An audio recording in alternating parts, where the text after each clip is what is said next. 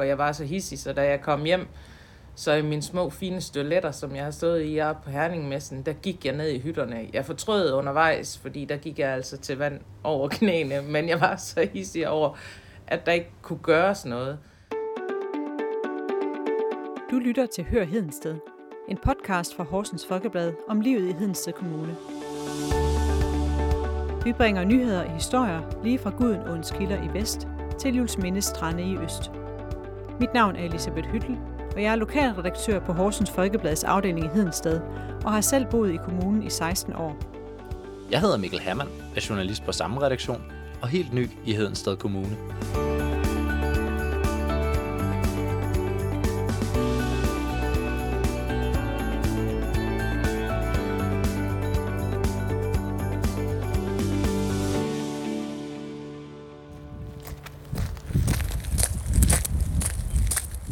Den her udgave af Hør Hedensted har jeg, Ingrid Trier, for en stund overtaget mikrofonen. Jeg er journalist på Horsens Folkebladets Hedensted redaktion og dækker til hverdag i Tøringområdet. I dag skal vi høre historien om Tøring Camping. Nærmere bestemt den rejse, stedet har været på sammen med Bettina Nygaard Johansen de seneste fire år. Bettina har på kort tid udviklet stedet i en positiv retning. Men selvom hendes tid her på pladsen både har været en drøm, der gik i opfyldelse for hende selv, og en bravende succes for byen, har hun nu valgt at stoppe. Hej. Bettina, vil du ikke lige starte med at fortælle, hvem du er? Ja, hvem er jeg? Jamen, de fleste kender mig jo nok som campingmutter på Tøring Camping. Og jeg har en lang fortid tilbage inden for turisme og alt muligt andet. Ja, og vi sidder jo her i dag, fordi du har været campingmutter, lad os kalde det det, øh, her øh, på stedet de sidste fire år, og nu skal skal til at videre til noget andet. Men jeg kunne godt tænke mig at, øh, at begynde ved begyndelsen. Hvordan opstod tanken om, at du skulle øh, være campingmutter for Tøring Camping egentlig i sin tid? Jeg har jo kørt på arbejde hver dag i Vejle. Og hver dag, når jeg kørte hjem der i sommerperioden, så tænkte jeg, ej, hvor er det bare ærgerligt og en skam, at der ligger sådan en skøn lille plet der, der ikke bliver benyttet. Og jeg synes bare, at vores område har så meget at byde på. Jeg synes, man skulle gøre noget da den tidligere forening så valgte at sige stop, var jeg tilfældigvis med i noget borgerudvikling eller byudvikling, og øh, sad i en borgergruppe, der netop hed Tøring til plads, og blev derigennem så til sidst spurgt ad, om jeg havde nogle idéer til, hvad man skulle gøre. Og det havde du så, formoder jeg. Hvad var det for nogle idéer, du havde for, for stedet der? Jamen, jeg, jeg havde mange idéer, og blandt andet, at vores kanogæster kommer her og sætter en kano i vandet, og inden vi får set os om, så er de langt væk fra tørringen, langt væk fra vores område af, uden at have oplevet noget her. Og det vil jeg rigtig gerne kunne give dem øh, muligheden for, ved at øh, der var et dejligt sted hernede, hvor der skete noget, og det var måske ikke det første år, det var måske heller ikke år nummer to, men at de ligesom så, ej, der er faktisk rart at være her. Lad os prøve at tage en eller to overnatninger, inden vi tager afsted på kanotur. Du overtog jo nøglerne her var det 1. maj 2018 fra, fra den tidligere forening, der drev det. Hvad var det for et, et sted, du mødte der? Jamen, jeg overtog et sted, der var drevet af frivillig arbejdskraft. Det, var, det havde de gjort så godt, som de overhovedet kunne, inden for de rammer, de nu havde. Men stedet trængte til en kærlig hånd.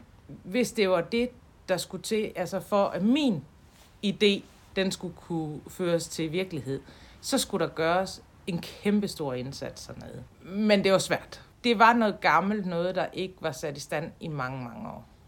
Vores reception, det var en lille mindre skurvogn, hvor der var tre rum i, og midt i det hele, der var der faktisk et toilet, som gjorde vilkårene til, at man ikke kunne lave ret meget derinde. Så havde vi den toiletbygning, vi faktisk har i dag, men med gamle brune klinker fra 60'erne og 70'erne. Og så havde vi tre ældre hytter. Og det var det, vi ligesom havde at starte med. Og hvad var det for en aktivitet, der var på stedet, inden I overtog det, eller dag, dag overtog det? Det, der var af aktivitet, det var jo, at der var rigtig, rigtig mange mennesker, der kom her for at sætte deres kano i og sejle afsted herfra. Så det var mere en kanoplads end et overnatningssted, fordi der var kun de her cirka 1,2 overnattende gæst per overnatning. Så det var jo ikke ret mange. Og det, der ligesom skete, det var jo også, at, at man havde her på stedet før at man kunne lave noget, der hed, eller man havde formidlingen af at lave sejltilladelser, og det var derfra, man også havde pladsens indkomst. Det blev taget væk fra os det her år her, og øh, nu skulle man til at leve af pladsen på en ny måde. Og det jeg ligesom så det i, det var, at vi skulle have et sted, et samlingssted, hvor man kunne sidde og nyde en is, eller få noget mad at spise, eller hvad det nu skulle være. Og det skulle så også tilføre i længden, at vi fik et rigtig godt overnatningssted.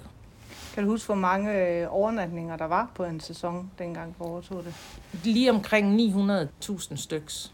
Og hvordan, hvis du nu skal beskrive pladsen, som den er i dag, fire år efter? Jamen, det er jo en helt anden plads. Hedensted Kommune har været med til at give os nogle helt andre muligheder for at komme i gang. Og derfor kan man ikke rigtig sammenligne de to pladser længere. Fordi i dag, der står vi jo med en stor, flot, ny receptionsbygning og café. Vi har en servicebygning, der er sat tip-top i stand med alt det nyeste. Vi har endda et lille lager, og så har vi vores tre gamle hytter stadigvæk, som øh, vi stadigvæk går og, og nøser om. Og så har vi fået tre nye hytter, og vi har et shelter og nogle udlejningstelte. Og hvor mange overnatninger øh, er vi oppe på her i, i den, den sæson, der lige er gået? Um, jeg har ikke fået talt det endeligt op endnu, men et, et lille stykke over 6.000. Så det er en, øh, en 6-7-dobling måske af, hvad, hvad det var for fire år siden, ja. der i øh, 2018. Vi sad dengang, vi skulle overtage og lave et femårigt budget, hvilket jeg synes var meget, meget svært, fordi at det var jo kun mine idéer, jeg kunne sætte ned som budget. Jeg tænkte, okay, jeg har da også godt nok fundet en rigtig flittig skrivepind frem, og jeg var rigtig optimistisk. Og trods det, så har vi på de her fire sæsoner nået det fem års budget. Og det er jo helt vildt. Jeg har jo fulgt dig øh, og den her pladsudvikling gennem avisen og skrevet om dig mange gange. Og jeg kan huske, da jeg så det der budget første gang, hvor jeg tænkte, at hun må jo være fuldstændig vanvittig. Bindegal. Hvorfor er det gået så godt? Jamen, som min svigermor engang imellem har sagt, vi er drukne i vores egen succes. Hvis det er med ildsjæl, man driver noget, og det er lige meget, om, om det er sådan noget som det her, om man har sin egen virksomhed, om man er iværksætter eller hvad man er. Hvis man tror på det, man laver, og hvis man hver dag, når man går på arbejde, gør sit bedste, beklager de fejl, man laver, for man laver fejl, og øh, at folk kan mærke, at man kan lide at være der, så kommer man langt. Og så har vi bare været usvigeligt heldige, fordi vi er blevet taget imod af kampisterne, vi er også blevet taget imod af, af nogle kampister, jeg ikke havde troet, øh, en målgruppe, som jeg ikke lige havde set komme, og er faktisk den målgruppe, man, som i dag er vores hovedmålgruppe hernede. Hvad er det for en målgruppe? Ja, men det er en, skal vi være flink ved dem, og så sige 50 plus. Og det er dem her, der godt kan lide at komme ud øh, på en lille, stille og rolig plads, hvor vi har nogle musikarrangementer, der er noget god mad at spise, øh, der er ikke en masse larm fra en masse børn, der render rundt og hopper i poolen og, og så videre. Øh, og det har vi jo alle sammen her. Vi har naturen lige udenfor, vi har byen i god afstand. Altså, vi har det hele jo. Men det er ikke dem, der sætter sig i en kano og sejler til, til Randers? Øh, nej, det er meget få af dem. Hvis de endelig sætter sig i en kano, så er det kun herfra og måske til Åle. Hvad så med dem, som, som rent faktisk sætter sig en kalo for måske ikke sejle helt til Randers, men til, men til Silkeborg, eller hvor langt de nu øh, kræfterne rækker? Altså, bliver de her også? Tager de den ekstra overnatning, som, som var ambitionen, dengang du startede? Det er, det er 50-50. Øh, men en væsentlig større del gør det i dag. Fordi de ligesom siger, at wow, når ja, det er også rigtigt, vi skal til tørring og starte. Det er også så dejligt at starte der. Så den ambition er også øh, lykkes til dels i hvert fald. Ja, ja. det er den. Den her forvandling, som Tøring Camping har været på de seneste øh, fire år, hvad tænker du, det har betydet for byen her? Det har betydet rigtig meget. Der er jo rigtig, rigtig mange, der er kommet og sagt til os, må vi godt prøve at gå ind og kigge. Der er rigtig mange, der aldrig nogensinde har været nede og se, hvad det er for et område, vi har hernede bagved og i dag der er det jo et åbent område. Folk må gå ind og kigge, må også benytte vores legeplads, må også benytte alting hernede. Og så har vi jo fået caféen hertil, øh, hvor vi også laver nogle arrangementer hen over sæsonen. Og når vi tit og ofte kigger på noget af de her små landsbysamfund, så synes jeg tit og ofte, at man kigger på, med nogle briller på og siger, hvad kan vi gøre for børnefamilierne? Det er også rigtig godt, at vi gør noget for børnefamilierne, men vi ved jo bare, at børnefamilier det er nogen, der har et travlt program hver evig eneste dag, og vælger måske ikke så meget at være aktiv i sit eget lokalsamfund, som 50-plusserne gør. Og jeg, jeg synes jo, det er fantastisk, at, at de kommer hernede så meget og, og, og lever sig ind i det også og siger, uh, her du må sige til, hvis der er noget, jeg kan hjælpe med. Og, altså det er virkelig, det er blevet en fælles projekt for byen hernede. Jeg kan huske, du fik, øh, du kunne ikke få corona hjælpepakke og har lavet et opråb om hjælp, hvor der så lige pludselig faktisk var, var øh, flere, øh, blandt andet lokale erhvervsdrivende, der donerede øh, øh, flere tusind kroner til dig. Altså, hvad betyder den opbakning for, for dit virke hernede? Jamen, den har betydet, at øh, jeg har haft troen på det hele vejen igennem. Selv på de dage, når man har haft vand inde i hytterne, og corona bare har lavet nye restriktioner inden for 24 timer, og man har stået og været nødt til at aflyse. Hmm, okay, hvad gør jeg med alle de her madvarer, jeg nu har i fryser på køleskab og sådan noget, når jeg ikke må lave det her? Og, altså, så ved man bare, at, at det har støttet op om det. Og selv her i efteråret, hvor man ligesom har sagt, okay, vi er lukket ned, men vi har så meget mad i fryseren, så nu vil vi have solgt ud af de ting, vi har. Så har vi jo haft åbent nogle torsdage, og og det har jo været sådan, at altså, der er blevet afvist rigtig mange, fordi så mange har ville bakke op om, at vi skulle have solgt det sidste i fryserne. Har det haft betydning for sammenholdet i byen? Jeg ved, at tidligere det har været svært for eksempel at, at lave en byfest. Der har ikke været nok opbakning øh, til det. Tøring har sådan lidt en, en mellemstørrelse. Den er, den er lidt for stor til, at, at man kender alle. Øh, hvad, hvad har det betydet sådan for sammenholdet i byen, tænker du, at der har været de her arrangementer med? Jamen, jeg tror, det har betydet meget, fordi at, at de kommer jo og taler på kryds og på tværs, og øh, selvfølgelig er der også nogen, der kommer i store flokke og så videre. Det vi hører, det er jo også ligesom, at mange siger, ej, vi skal også have den der byfest op og stå igen. Og det synes jeg også helt klart, vi skal. Altså, vi kan sagtens lave noget, der er større i tøring. Men alting hænger sammen, så vi skal også bare huske på, hvad er det for en pengepunkt, folk kommer med. Skal vi lave arrangementer, der koster 4, 5, 600 kroner i byen? Nej, det tror jeg ikke. Men omvendt, så kan vi jo se hernede på pladsen, altså om navnet det hedder Martin Jønsson, eller René Frans, eller Safri Due. Altså, det betyder ikke noget, om, om det er en, der er mere kendt end de andre. Altså, det, vi behøver ikke op i de der kæmpe store navne, fordi så vil det være for dyrt at lave noget, øh, hvor folk ligesom siger, okay, skal jeg bruge 400 kroner på det her, eller skal jeg tage børnene med i Tivoli i morgen? Så vælger de fleste måske at tage i Zoologisk Have eller Tivoli.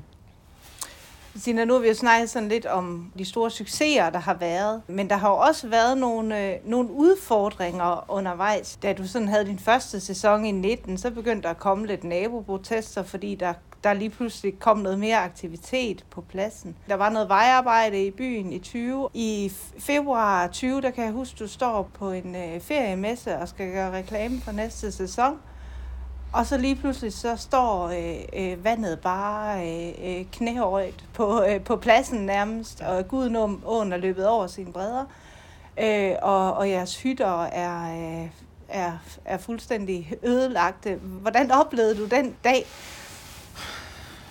Ja, altså, jeg står jo op på Herningmesten, og, og så lige pludselig så ringer min telefon, og jeg tager den, og det er så Flemming, som øh, min mand, som siger, øh, jeg har en mindre god nyhed her hjemme fra Tøring af. Nå, siger jeg så. Jeg vidste godt, der var meget vand ned på pladsen. Og så siger han, vandet er gået ind i hytterne. Okay, siger jeg så. Har du været nede og tømme dem? Har du... Øh, nej, jeg kan ikke komme derned, siger han så. Okay, hvor meget? Jamen, der står nok 10-15 cm vand inde i hytterne. Så siger jeg, så må du fandme finde ud af at finde noget øh, ordentligt fodtøj, så du kan komme der ned og få noget ud. Så siger han, jamen det hjælper ikke, fordi det er vådt nu, og hvor fanden skal jeg køre det hen? Og det var også rigtigt nok, og jeg var så hissig, så da jeg kom hjem, så i mine små fine støletter, som jeg har stået i her på Herningmessen, der gik jeg ned i hytterne. Jeg fortrød undervejs, fordi der gik jeg altså til vand over knæene, men jeg var så hissig over, at der ikke kunne gøres noget. Og vi havde jo lige sat dem i stand, og, og havde helt nyt inventar inde i dem, og det så vi bare, ja, rende væk med vandet. Hvordan øh, samler man sig selv og pladsen op efter sådan en, en situation der? Jamen, det er mega svært. Altså, man føler, det hele går på skinner, og man ved, at, at der er bare bookinger i hytterne, fra vi åbner af. Der er jo ikke penge til at, at sige, okay, vi hyrer et, et håndværkerfirma, der lige kommer til at gøre det, så vi måtte jo bare, ja, blod, sved og tårer kommer man langt, og så blev det bare til nogle meget, meget lange arbejdsdage. Og jeg lider jo rovdrift på min kære mand, som er håndværker, som var nødt til at tage meget af det, og de frivillige kom også og hjalp med rigtig meget at få rigtig alt, alt det her gamle usle isolering og sådan noget fik de ud af de her hytter her. Så det var rigtig, rigtig, det var godt sammenhold, der gjorde, at hytterne kom op og stå igen. Og plus det, så gik kommunen også ind og sagde, I skal ikke tænke på det nu, vi, vi hjælper jer med at komme op og stå igen, fordi det er et eller andet sted, så er det også deres hytter. Men knap nok så havde vand, øh, vandstanden i Gudenåen var sænket, så, så kom coronaen jo. Hvad betyder det for jer? Jamen, jeg tænkte bare, nu, nu er det bare løgn. Nu gider vi bare ikke mere. Altså, der var jeg klar til at smide nøgler og så sige, lad plads være plads. Camping blev jo ikke lukket ned. Men man blev delt i to lejre, fordi at man på tv hørte, at man skulle blive derhjemme. Og når vi så ringede op og spurgte, ad, hvad betyder det for os? Betyder det, at vi også skal lukke? Nej, fordi at folk har jo deres eget hjem med, når de kommer med en campingvogn.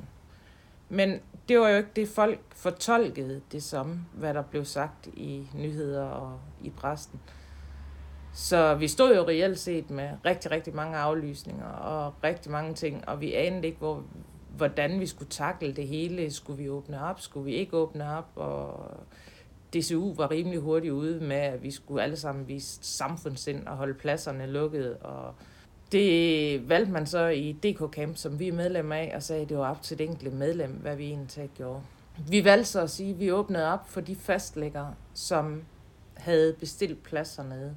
Og hver fastlægger fik så deres, hver deres eget bad og toilet. Og så havde vi heldigvis en to-tre toiletter i overskud. Og så sagde vi, okay, så åbner vi op for bookinger, så vi godt kan have en tre hold inden af gangen. Og så kom der jo lige så stille og roligt en løsning på det hen over det hele, og, og mange ting begyndte at åbne mere og mere op, og så tog vi den jo derfra. Men alle de der aftener, hvor man bare sad og læste retningslinjer, øh, ja, at tage de der beslutninger på andres vegne, og plus at vi er sårbare hernede, for i dagligdagen er der kun mig, og hvad vil der ske, hvis vi åbnede op, og så er jeg blevet smittet med corona? Så var vi nødt til at lukke hele skramlet ned, fordi der var ikke nogen til at kunne stå og overtage. Så det har, det har givet mange hovedproblemer i løbet af de sidste to år. Hvad gør, at du, du bliver ved med at, at knyde på? Der var rigtig, rigtig mange frivillige og rigtig, rigtig mange af vores faste kampister, der stillede sig op og sagde, at det her skal vi bare have løftet i flok. Så vi har jo aldrig fået så meget hjælp som henover, og især sæson 2020, hvor vi havde bestilt tre nye hytter, vi reelt set lige pludselig ikke havde råd til på grund af corona. Hvor de sagde, jamen hvis nu I får dem hjem, så kunne vi måske gå og lave noget så småt. Og få så kampisterne malede jeres hytter? Kampisterne gik og lavede hytterne udvendigt, og Flemming han var stort set kun lige ned og lægge tag på. Ellers så gik de og lavede det hele, lavede terrasser, lavede alt på dem. Og det er jo bare uvurderlig hjælp at få fra en kant af, man overhovedet ikke har regnet med noget, fordi de har jo reelt set, altså de har betalt for at være her. Og alligevel så har de simpelthen gået og hygget sig. Det tog år en hel sæson at lave hytterne færdige udvendigt, men, og vi havde jo regnet med, at de skulle have været i brug, men, men det var der ikke midler til på det tidspunkt. Øh, og trods det, jamen, så får vi jo, bliver vi jo næsten lagt ned i sommersæsonen 2020. Det havde vi jo heller ikke set komme. Så vi henter også rigtig meget af det, vi tabte i foråret hen over højsæsonen. Ja, fordi øh, kan det ikke passe, at I fordobler faktisk antallet af overnatninger i forhold til, til året for, før og op på, på næsten øh, 6.000 overnatninger? Jo, jo, jeg tror, vi nåede 5 eller 5,5 ikke, øh, sidste år, og øh, altså, vi havde slet ikke set den komme.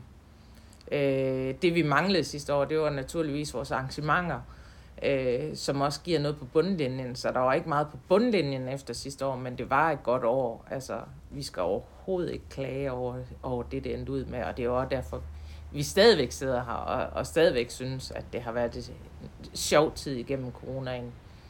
Ja. ja, fordi I når jo faktisk op på, på næsten samme overnatningstal øh, tal i år, og, og, og kører videre, og, og det, det virker som om, at det, det går rigtig godt hernede. Øh, I bliver endda i øh, august måned, tror jeg det er i år, der bliver I kåret som øh, Midtjyllands bedste campingplads og den tredje bedste campingplads i landet. Mm. Men så lidt før det, der springer du lidt en bombe, og, og, og meddeler i juli måned, at du har tænkt dig at stoppe. Hvad, hvad er det, det, det handler om? Jamen, øh, det handler om, altså den coronaperiode, vi har gået igennem, har for min familie haft en meget, meget stor konsekvens. Øh, vi har to knejder derhjemme på 17 og 15 år, og den store har altid syntes, at det har været sjovt at være med i projektet hernede. Den lille, han har ikke syntes, at det var særlig skæg. Hvilket så har gjort, jeg har jo under coronaen gået på arbejde hver eneste dag.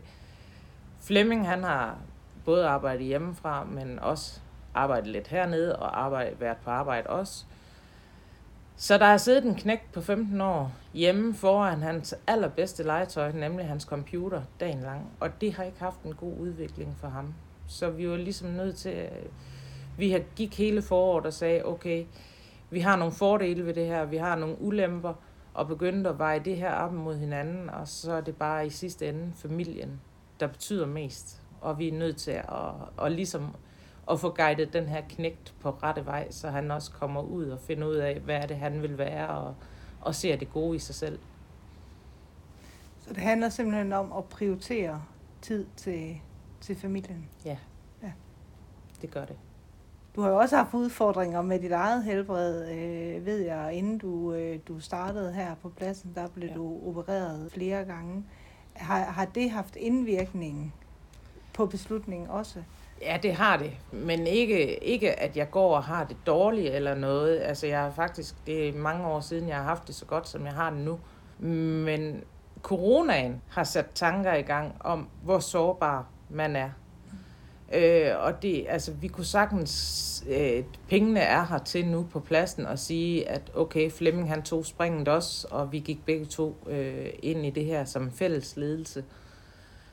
Men der er stadigvæk rigtig, rigtig mange ting, hvor det kun er mit hoved, der ved, hvordan vi gør de og de ting. Lagde jeg mig på langs med corona, eller fik jeg breakdown med min sygdom igen, så vil pladsen være for sårbar, fordi det er stadigvæk mig, der sørger for, at meget af omsætningen kommer i hus hernede. Og det har vi ikke råd til som familie, og det har vi ikke råd til som tørring Camping. Og hvad er, er øh, planen så nu for dig? Øh, du har, øh, altså, du har sagt op per, per 1. januar, vel? Øh, jeg ved ikke, hvordan man skal udtrykke det. Hvad skal, øh, hvad skal du så? Jamen, jeg vidste jo faktisk ikke, da jeg ligesom sagde, okay, nu springer jeg den her bombe her. Der havde jeg ikke tænkt på den side nu. Og jeg vil sige, at lige siden den dag, jamen, der har der jo været tilbud havlende ned over mig.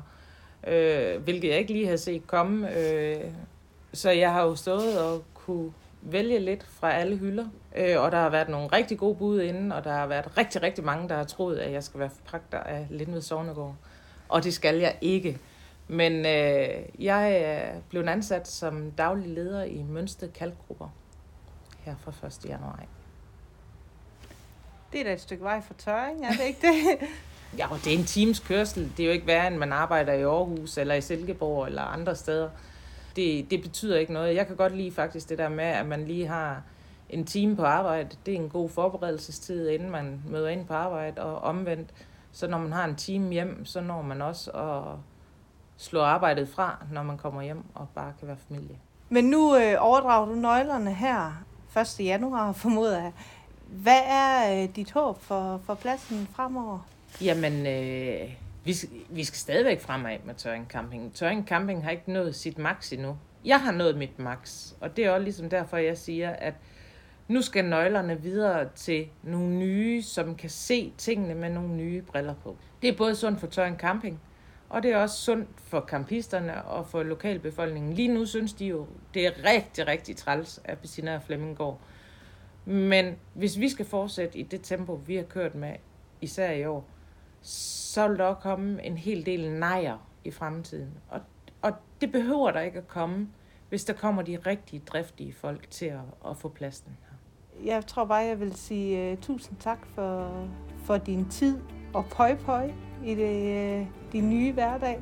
Jo, tak skal du have, og tak for interessen og opbakningen omkring Tøring Camping og mig.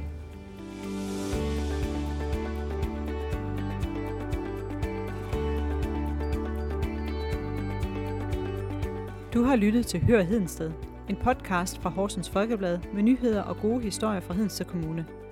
Har du en historie, som du gerne vil høre mere om, så send os en mail på hedensted hsfo.dk. Du kan finde flere episoder på vores hjemmeside og der, hvor du henter din podcast.